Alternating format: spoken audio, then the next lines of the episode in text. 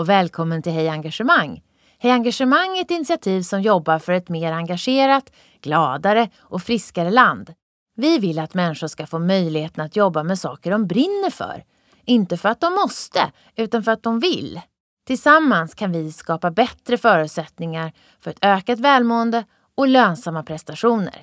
Med Hej Engagemang får du träffa inspirerande personer som ger tips och insikt i hur du kan nå bättre resultat på jobbet och samtidigt må bättre. Nu kör vi! Välkomna! Med oss idag har vi Niklas Delmar, medgrundare till Hej Engagemang, som ska berätta mer om sin vision. Hur känns det? Känns bra. Det är spännande att vara intervju bli intervjuad i sin egen podd liksom, på något sätt. Så här, lite konstigt, lite annorlunda. Får du bestämma allting då? Nej, ingenting. Nej.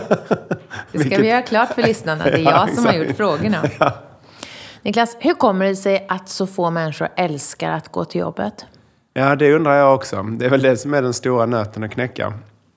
Jag vet faktiskt inte, men jag tror att det finns någon form av eh, eh, norm eller ett okej kring att eh, det, det ska inte vara kul att jobba, utan jobba gör man för att man måste. Liksom. Det är det som är normen just nu, i alla fall i det här landet. Eh, I de flesta andra länder också. Men eh, jag vet inte, det är en väldigt, väldigt märklig fråga. Det är 10 000 kronors frågan. För vi hittar inte på det här att de inte gillar. Vi vet en- enligt undersökningar att många Ja, känner sig precis. inte engagerade på sina jobb. Nej, och det, det finns ju massor med olika sätt att mäta och titta på det där. Men det som vi eh, har valt att titta på tidigast då, när vi började, när vi skapade engagemang, det var ju Gallups undersökning. Och eh, den visar ju då att just nu, det senaste som man kan säga kring Sverige, då, det är att 14 procent bara då är engagerade i sina arbeten. Men då ska man vara noga och poängtera att då är det ett superengagemang. Alltså för de ställer ju 12 frågor och du måste ha väldigt högt på alla de 12 frågorna för att komma ut som engagerad. Så de här 14 procenten, de, är ju, alltså de gör ju V-tecknet när de kommer in på jobbet efter, eh, efter den här svenska sommaren som vi hade nu också. Så, att säga. så man är riktigt, riktigt engagerad eh, om man tittar på deras sätt att mäta det. Mm.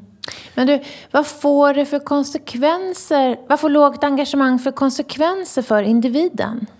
Ja, det får ju en massa... Dels har vi ju sett nu att den, psykiska ohälsan har ju ökat väldigt mycket eh, i de västerländska eh, länderna framför allt och i Sverige jättemycket. Eh, så en konsekvens för individen är att psykisk ohälsa har drabbat. Man blir stressad, man mår ingen bra, eh, utbrändhet, går in i väggen, allt det här. Jag brukar när jag föreläser ställa frågan, är det någon som har varit utbränd? Det är alltid 10 procent ungefär som har varit. Och sen följdfrågan, eller är det någon som känner? Så är det ju nästan alla. Eh, så det är en. Eh, en annan grej det är att, att det blir för mycket fokus på, på det här ensamhet och ensam är stark och själv är bäste dräng. Och man blir ganska eh, självcentrerad eh, när man inte då eh, har, kraft, har kraft att ge. Liksom. Eh, och sen den tredje grejen det är att man får missad kvalitet i sina relationer. Eh, och det är inte roligt. Det är, ja, det är det som korrelerar starkast med lycka, att, vara, att ha goda eh, relationer. Och det har man inte då om man har ett lågt engagemang. Och det här vet vi från forskning. Vilka effekter får lågt engagemang hos individerna på samhället? Vet vi någonting om det? Det vi ser är ju att dels så kostar det ju staten en massa pengar. Eh, det vill säga att vi blir sjuka och så vidare. Det är ju en väldigt viktig del då. Eh, den andra grejen är att samhällsklimatet i stort blir inte särskilt trevligt. Om folk inte ler till varandra, söker ögonkontakt eh, med varandra etc. etc. så blir det ju inget härligt samhällsklimat att leva i. Eh, och det är väl det som var vår största drivkraft, min och Emmas, när vi kom, kom på att det här behövs, det här initiativet, eh, den här rörelsen, här engagemang. För att, just för att vi upplever att det är ett kallare klimat. Vi behöver ha mer värme i, i samhället idag. Eh, vi behöver hjälpas åt, eh, inte gå omkring och tänka att ensam är stark och att jag ska lösa allting själv. Eh, det finns bara inom Sveriges gränser väldigt mycket att hjälpas åt kring. Vi har en kriminalitet som inte är trevlig, vi har eh, segregation som vi behöver hjälpas åt att lösa etc. etc.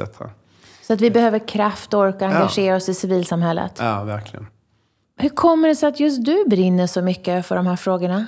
Ja, det är väl en, en ytterst väl ställd fråga. Eh, för mig var det att jag har jobbat väldigt mycket och gör ju fortfarande. Men jag har haft väl, jag är en, min grundkodning är att jag är en osäker högpresterare. Eh, du gillar ju när jag pratar svenska, vet jag. Så att, eh, jag säger det på svenska. Men en insecure overachiever säger man oftast på engelska. Men jag är kodad som att jag vill alltid prestera, jag vill alltid, jag är rädd för att misslyckas, etc. etc. Eh, och 2012 då eh, så hände det grejer i mitt liv. Min mamma gick bort alldeles för tidigt i cancer. Jag var mitt i småbarnsåldern. Eh, inte jag, men vi hade precis fått Alice då som var nyfödd. Eh, jag hade två vd-roller. Jag jobbade, ja, du vet, du hör. Det var väldigt mycket som pågick. Eh, och utifrån tittade man på mitt liv som att det var väldigt positivt och glatt och oj vad han lyckas den där killen. Men inne i mig var det helt svart och tomt och kallt. Eh, och när mamma gick bort fick jag en chans och en möjlighet att reflektera över det. Och då började jag fundera på att men herregud, jag glider omkring och tar inte mitt eget ansvar för mitt liv och framförallt inte mitt arbetsliv. Så då började jag titta på, eh, på alternativa lösningar att leva livet. Och en av dem ledde till att jag träffade Emma eh, Egnell. Eh, och eh, så började vi titta på hur man skulle kunna göra någonting åt den här frågan. Så att för mig är det, det kommer från, hela från fötterna upp i, i gässan, den skalliga gässan. Så det sitter liksom i mig nu att eh, ta mitt eget ansvar. När jag gör det så kan, också, kan jag också få andra människor då, eller bidra till att andra människor kan ta sitt ansvar vad gäller engagemang. Det märks ju att du har fått kraft av det här arbetet. Att du, fast det är ett svårt och inte så, alltid så lustfyllt att engagemangsnivån är så låg, nej. så får du kraft av att jobba med de här frågorna. Ja, det får jag verkligen. Och eh, nej, det är precis som du säger. Egentligen önskar jag att vi inte hade behövts. Givetvis är vi ett sånt där... Eh, jag längtar till den dagen vi kan starta Hej engagemang när det liksom har vänt åt andra hållet på något sätt. Eh, men ja, jag får väldigt mycket kraft. Jag har... Hela min mammas sida är lärare, eh, du vet, de är pedagoger och, och vi älskar att, att eh, föra ut budskap vi tror på. Så det är liksom ett släktdrag det där. Och ja, jag hämtar väldigt mycket kraft i det jag tror på. Jag ser mm. ju också effekten. Tänker du ibland att du kan bli för engagerad och faktiskt bränna ut dig på att jobba med engagemang. Har du reflekterat över ja. det? Ja, väldigt mycket faktiskt. Eh, vi, vi har ett verktyg som vi, och som vi lär ut och som vi använder, som jag lärde mig när jag gick balansekonomins utbildningar, som heter Energikollen. Eller, eh, ja, där man tittar på vad är det som ger energi, vad är det som tar energi i mitt liv. Och eh, fyller du bara på med saker som ger energi, vilket jag har gjort väldigt mycket nu då, eh, så blir man ju också trött även om man har roligt. Så precis som du säger så är det väldigt viktigt för mig med reflektion och tid för återhämtning. Och likt det är jag väldigt intresserad av hälsa och träning. Så att jag, jag mediterar varje dag, jag tränar varje dag, jag promenerar mycket eh, och jag har väldigt mycket slappetid faktiskt. Så just den punkten är jag inte orolig för min egen del eh, kring längre. Mm. Och du och några till då som du har nämnt, ni är en grupp som är så övertygade om att det går att jobba med att höja engagemang. Att ni har startat den här rörelsen, Hej Engagemang. Det är Hej Engagemang som producerar den här podden. Eh, vad är det ni vill? Vi vill ju få ett mer engagerat Sverige och vi jobbar från lite olika håll och jag brinner ju för individperspektivet då. Att alla människor kan verkligen ta sitt eget ansvar eh, i den här frågan då. Så vi vill ju att fler människor ska gå eh, till jobbet för att man tycker det är roligt och inte för att man måste. Och det är väldigt provocerande att säga det faktiskt, har jag märkt då, när vi är ute och föreläser och pratar om det här. För att, de, för att normen är att det är någonting vi gör, men vi tänker inte riktigt på varför vi gör det och sådär. Så att, eh, ja, jag, Vad säger de som blir provocerade? Ja, men de, någon har sagt så här, vadå, så du menar att man kan, eh, kan ha kul på jobbet? Eh, några säger att, eh, vadå, så du menar på riktigt att vi ska liksom ändra, för det handlar om en värdering, en attityd, ett förhållningssättsskifte. Mm. Eh, och, eh, och då ställer de den frågan, så det är det du menar att vi ska, ja det är det jag menar. För min, baksida, alltså min bakgrund i den här frågan det är ju att den svenska modellen eh, har lett till en massa positiva saker. Tänker på samhällssvenska modellen. Men det finns en baksida på den som heter att vi kanske inte tar vårt ansvar eh, alltid. Eh, det finns nästan alltid någon annan som plockar upp oss. Eh, när vi är föräldralediga får vi stöd från Försäkringskassan, när vi blir arbetslösa får vi stöd från etc. etc. Vilket är fantastiskt på många sätt och vis. Men vissa av oss har blivit lite lata i det, inklusive jag själv då. Eh, och litar på att någon annan ska rädda oss hela tiden. Och det är lite synd, tänker jag, när vi bor i ett av de mest fantastiska länder som finns på många sätt och vis. Så de tycker att du är klämkäck på något sätt när du kommer med ditt budskap? Eller vissa tycker det? Nej, men det är lite så här, vem är du att, har vi inte det ganska bra som det är? Liksom? Eh, och jag tycker väl eh, det å ena sidan. Å andra sidan så tycker jag väl att man kan väl förvänta sig lite mer, nej klämkäck vet jag inte, men, men lite irriterande då. Varför ska jag komma och måla upp en bild som man inte själv går omkring. För de flesta vaknar inte och tänker oj vad jag är oengagerad i mitt arbete. Eh, och då är det ju irriterande när jag kommer och säger att det är du, kolla här. Liksom. Eller kanske inte du, men eh, jag du förstår vad jag menar. Eh, så att nej, man blir provocerad tror jag till att tänka efter och till att titta inåt lite och så här, hur är det för mig då? Trivs jag på jobbet? Är jag engagerad? Men vem är ansvarig för att människor känner sig engagerade? Ja, individen själv givetvis, är ju mitt eh, absoluta svar. Och jobbar du då i en organisation, vilket de flesta jag känner gör, så, så är du själv ansvarig för ditt engagemang. Men sen är du tillsammans då med dina kollegor, med din chef och vem det nu är du eh, ja, gör saker med på dagarna. Men det börjar ju med dig själv, givetvis. Och det svarar alla. Jag ställer ju exakt den frågan när vi föreläser. Och alla säger ja, jag. Men sen så blir min följdfråga, så när du kom in på kontoret i morse, du vet, har du inte en enda gång under dagen tänkt att kunden är lite knepig eller dina kollegor är lite svåra? Eller, och så skrattar alla och tänker jo, jo, kanske lite, jo, så är det nog säkert. Vad är bästa metoden för att höja engagemanget på en arbetsplats? Det är relationsbaserat skulle jag säga att det är. Eh, ett leende är ju, man brukar säga en bild är liksom bättre än tusen ord, men ett leende gör väldigt mycket. Så, så hur vi är mot varandra, eh, omtanke, trygghet eh, är ju grunden eh, och relationer är det som är viktigast. Så att vet, trivs du inte, har du ingen, ingen på ditt jobb som bryr sig om det och din chef inte bryr sig om det eller du inte bryr dig, då är det ju en utmaning. Så att den snabbaste vägen är att skapa en miljö där det finns omtanke och trygghet. Och för mig så är det ju relationsbaserat då, det börjar i relationen. Vad säger forskningen? Ja, forskningen säger ju exakt det då. Eh, när man tittar i Googles studie till exempel, den här stora, jag kommer inte ihåg om det är Aristoteles eller Oxygen, Aristoteles tror jag det är, så är det just omtanke och trygghet som är den viktigaste faktorn för att bygga högpresterande team som mår bra. Kan enskilda individer ta första steget eller måste det här vara så att säga ledningen som går före? Hur, hur, hur ser det här ut och vad har du sett under dina år som ja. Eh, ledarutvecklare? Du har jobbat mycket med organisations och affärsutveckling. Eh, jättebra fråga. Jag, jag går ju alltid till individen.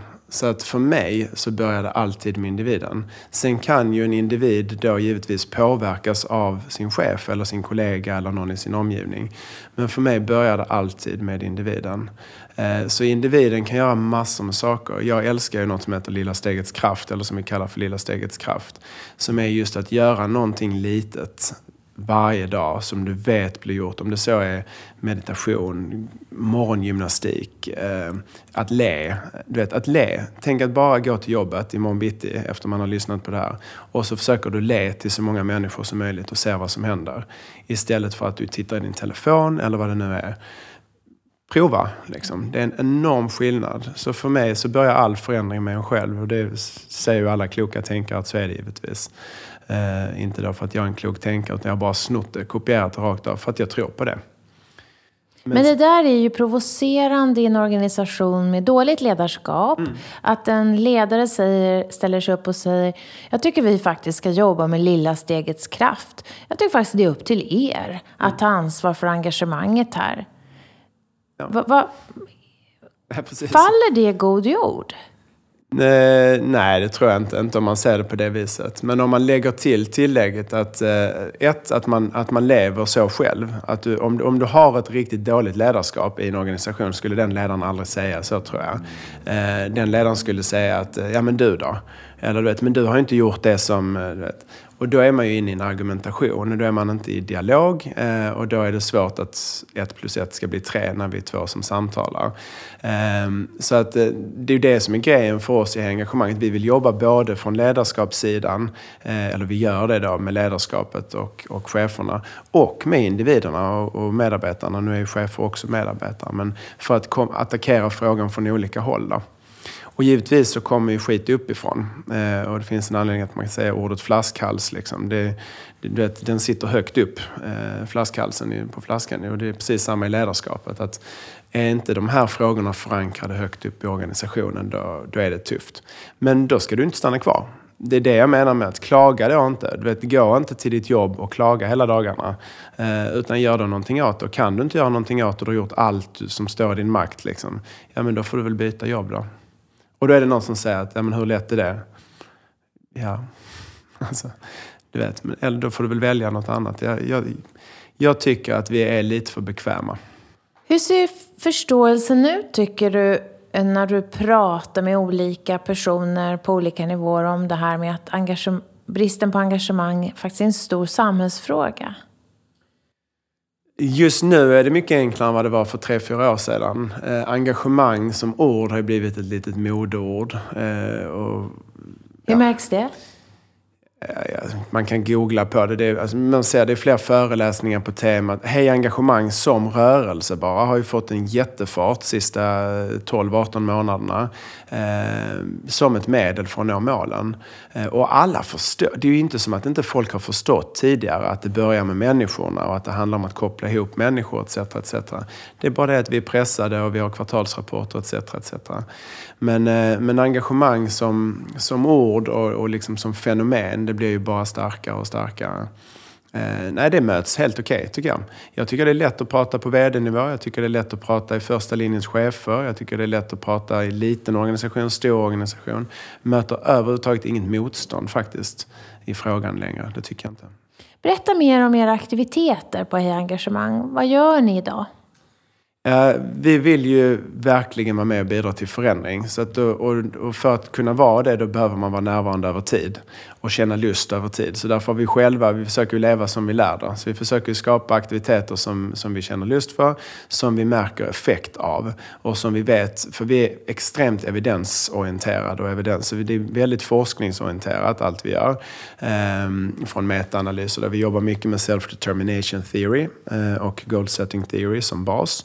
Ehm, så att vi Oftast hur det ser ut är att vi gör någon form av intro till ämnet. Så här, varför är engagemang ett bra medel för att nå målen, nå den effekt du vill? Ni är Både... inbjudna någonstans först. Någon organisation ja. har hört talas om er ja. och tycker att det här är nyckeln till att vi ska få nöjdare medarbetare och nöjdare kunder och bättre mm. organisation. Är det så det går till? Så kan det gå till. Eller så gör vi gratisföreläsningar som vi kallar det. Där vi är ute och, och, och bud, alltså bara för ut budskapet. Så börjar Missionerar. det. Missionerar. Mm. Eh, och sen har vi podden, är ju ett exempel. Vi har vår webbplats. Vi har en julkalender som vi har gjort nu det här året. Eh, så vi sprider ju ordet kring engagemang så mycket vi kan. Vi är extremt aktiva i sociala medier etc. Oftast leder det till en förfrågan om att kan ni inte komma? Och då, då vill vi gärna komma om det inte är så att man bokar in oss som ett tomtebloss som vi brukar kalla det. Att vi vill inte bara komma dit och så brinner vi i en, en och en halv timme och så blir folk superintresserade och sen så händer det ingenting när vi går därifrån. För oftast blir effekten mer negativ då. Så vad har ni för mer djupgående aktiviteter? Ja, alltså då, då är vårt lilla fiff att då försöker vi alltid få till ett uppföljningsmöte efter vår föreläsning som vi bokar redan innan vi har bokat föreläsningen. Så att vi kommer gärna föreläsa men då vill vi också träffa dig och prata på riktigt på djupet om vad vi skulle kunna göra tillsammans efter den här föreläsningen. Eh, och sen så har vi ett engagemangsprogram Och det bygger vi på egentligen ett månadsabonnemang. För vi vet att precis som när du börjar träna som PT, du som nu tränar jättemycket, du vet att för att man ska göra de där sista armhävningarna och sista vad det nu är man tränar för någonting, så är det bra att ha stöd. Och då finns vi. Så att vi säljer eh, abonnemang. Man kan prenumerera på oss så att säga och vår metodik. Eh, på 12 månaders basis, 18 månaders basis. Eh, och sen så går vi in, så mäter vi. Sen analyserar vi och sen så hittar vi aktiviteter som passar det vi har hittat i våra mätningar. Och så följer vi upp. Och så mäter du vet, så vad, kan ni se, vad kan ni se för, eh, för effekter? Ja, på, i, forskning, eller i, i det vi själva gör menar du? Ja. Eller, ja. Nu vi, är vi ju ganska nya på marknaden så att vi har precis fått eh, feedback från vårt första 12 månadersprogram från ifrån en konsultorganisation där de gick från sämst i klassen, bland de sämsta i klassen i den här gruppen som vi då jobbade med, till bland de bästa i klassen på 12 månader. Det enda vi gjorde var att vi var inne och stöttade 10 stycken ledare en gång i månaden i 12 månader. Alla ledare har vi inte träffat 12 gånger för de har haft mycket att göra, de har prioriterat att göra någonting annat etc. etc. Men de ledare som har prioriterat att träffa oss, de har fått extremt fina resultat. Eh, både då på deras engagemangsindex men också i det ekonomiska resultatet.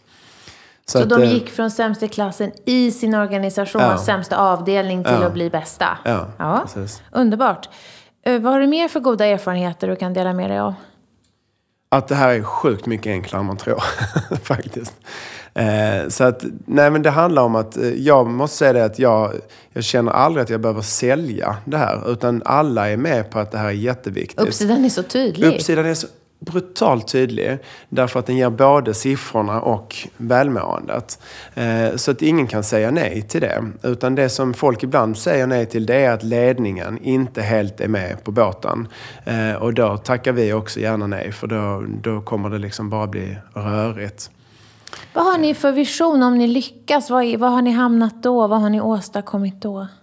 Med Hej Engagemang? Ja, exakt. Vi hittade på för någon tid sedan att vi skulle ha, då var 16 procent eh, engagerade i Sverige. Då sa vi att den dagen vi har 50 procent, då sa vi 2050 ska vi ha 50 procent som är engagerade i det här landet. Och det bästa i världen just nu är 33-34 procent. Vilket land är det? Det är USA faktiskt.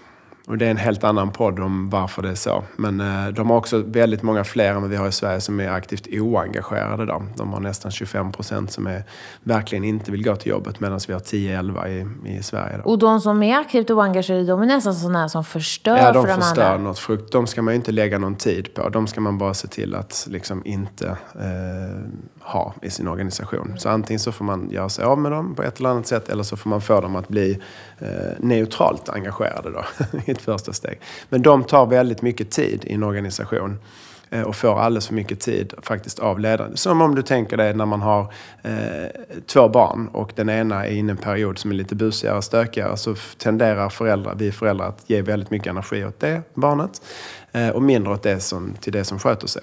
Och då belönar man ju liksom beteendet som inte är bra eh, genom att eh, ge sin uppmärksamhet dit. Samma är det ofta i organisationer och det tror vi är fel. Du, eh, om jag som lyssnare nu av podden blir engagerad. Mm. Eh, jag tänker att det finns ett jobb att göra både för mig själv och i min organisation. Eh, vad kan jag då göra för att börja agera? Eh, dels kan man ju lyssna på vår podd. Man kan läsa de här bloggarna. Det har jag redan gjort. Ja, och så kan man läsa på bloggen. Och sen så kan man kontakta oss. Man kan gå på våra gratisföreläsningar. Skulle säga. Det är ju det bästa sättet att få höra hur vi jobbar. Ja, vi har tagit fram ett superkraftshjul. Vi tror på superkrafter. Och vad vi menar med superkrafter det är alla människor har talang på ett eller annat sätt. Och sen glömmer vi bort dem när vi blir vuxna, vissa av oss. Eh, men om vi, om vi jobbar med våra superkrafter, det vill säga vår talang, över tid vi känner lust så blir vi riktigt bra på någonting.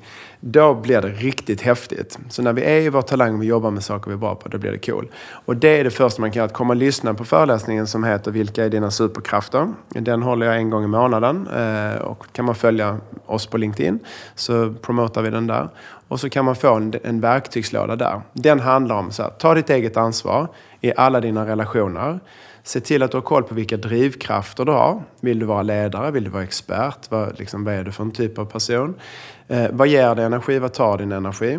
Vilka styrkor har du? Och sen i vilken arbetsmiljö trivs du bäst?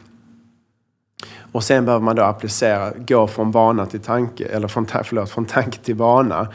Du vet nyårslöftet. Mm, man har det tar 21 dagar. Ja, 66 säger någon och sen så du vet det finns lite olika så här. Och jag säger strunt samma om det är 21, 66. Bara gör med hjälp av lilla stegets kraft. Så börja förändra liksom någonting litet varje dag. Och sen ska man följa upp.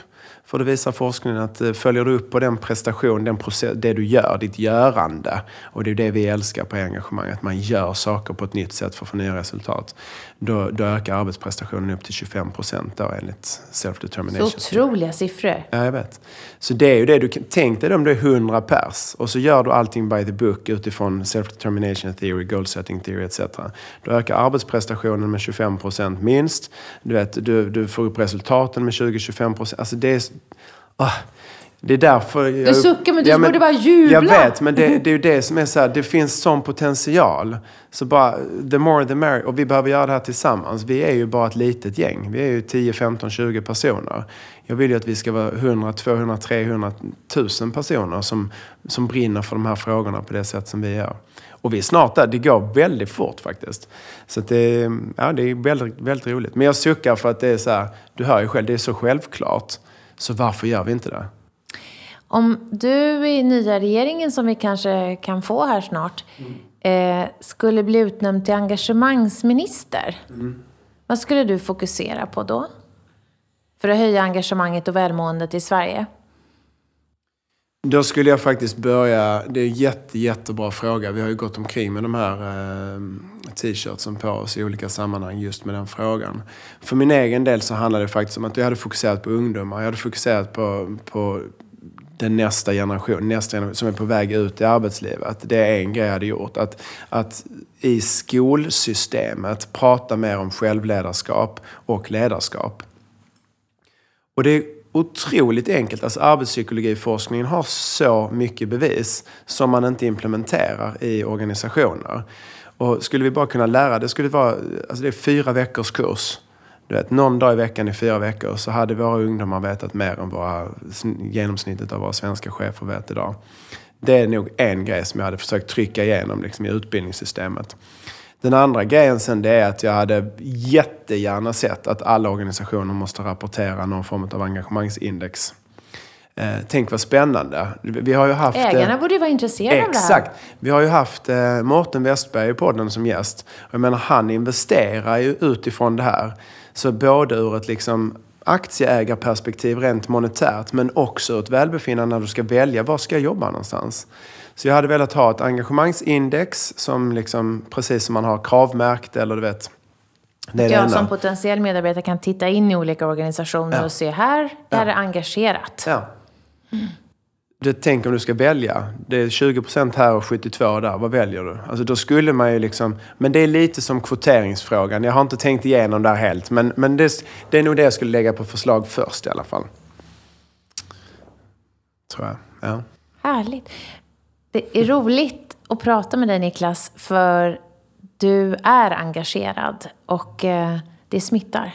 Tack för att du eh, ville vara med i din egen podd. Ja, tack snälla för att jag fick vara med. jag är väldigt glad för det. Tack alla tack, lyssnare. Beata. Vi hoppas att vi har väckt tankar om hur du kan bidra till ett mer engagerat Sverige. På hejengagemang.se kan du hitta mer inspiration och tips kring hur du som individ, ledare organisation kan jobba för att skapa ett ökat engagemang, välbefinnande och nya resultat. Tack för att du har lyssnat!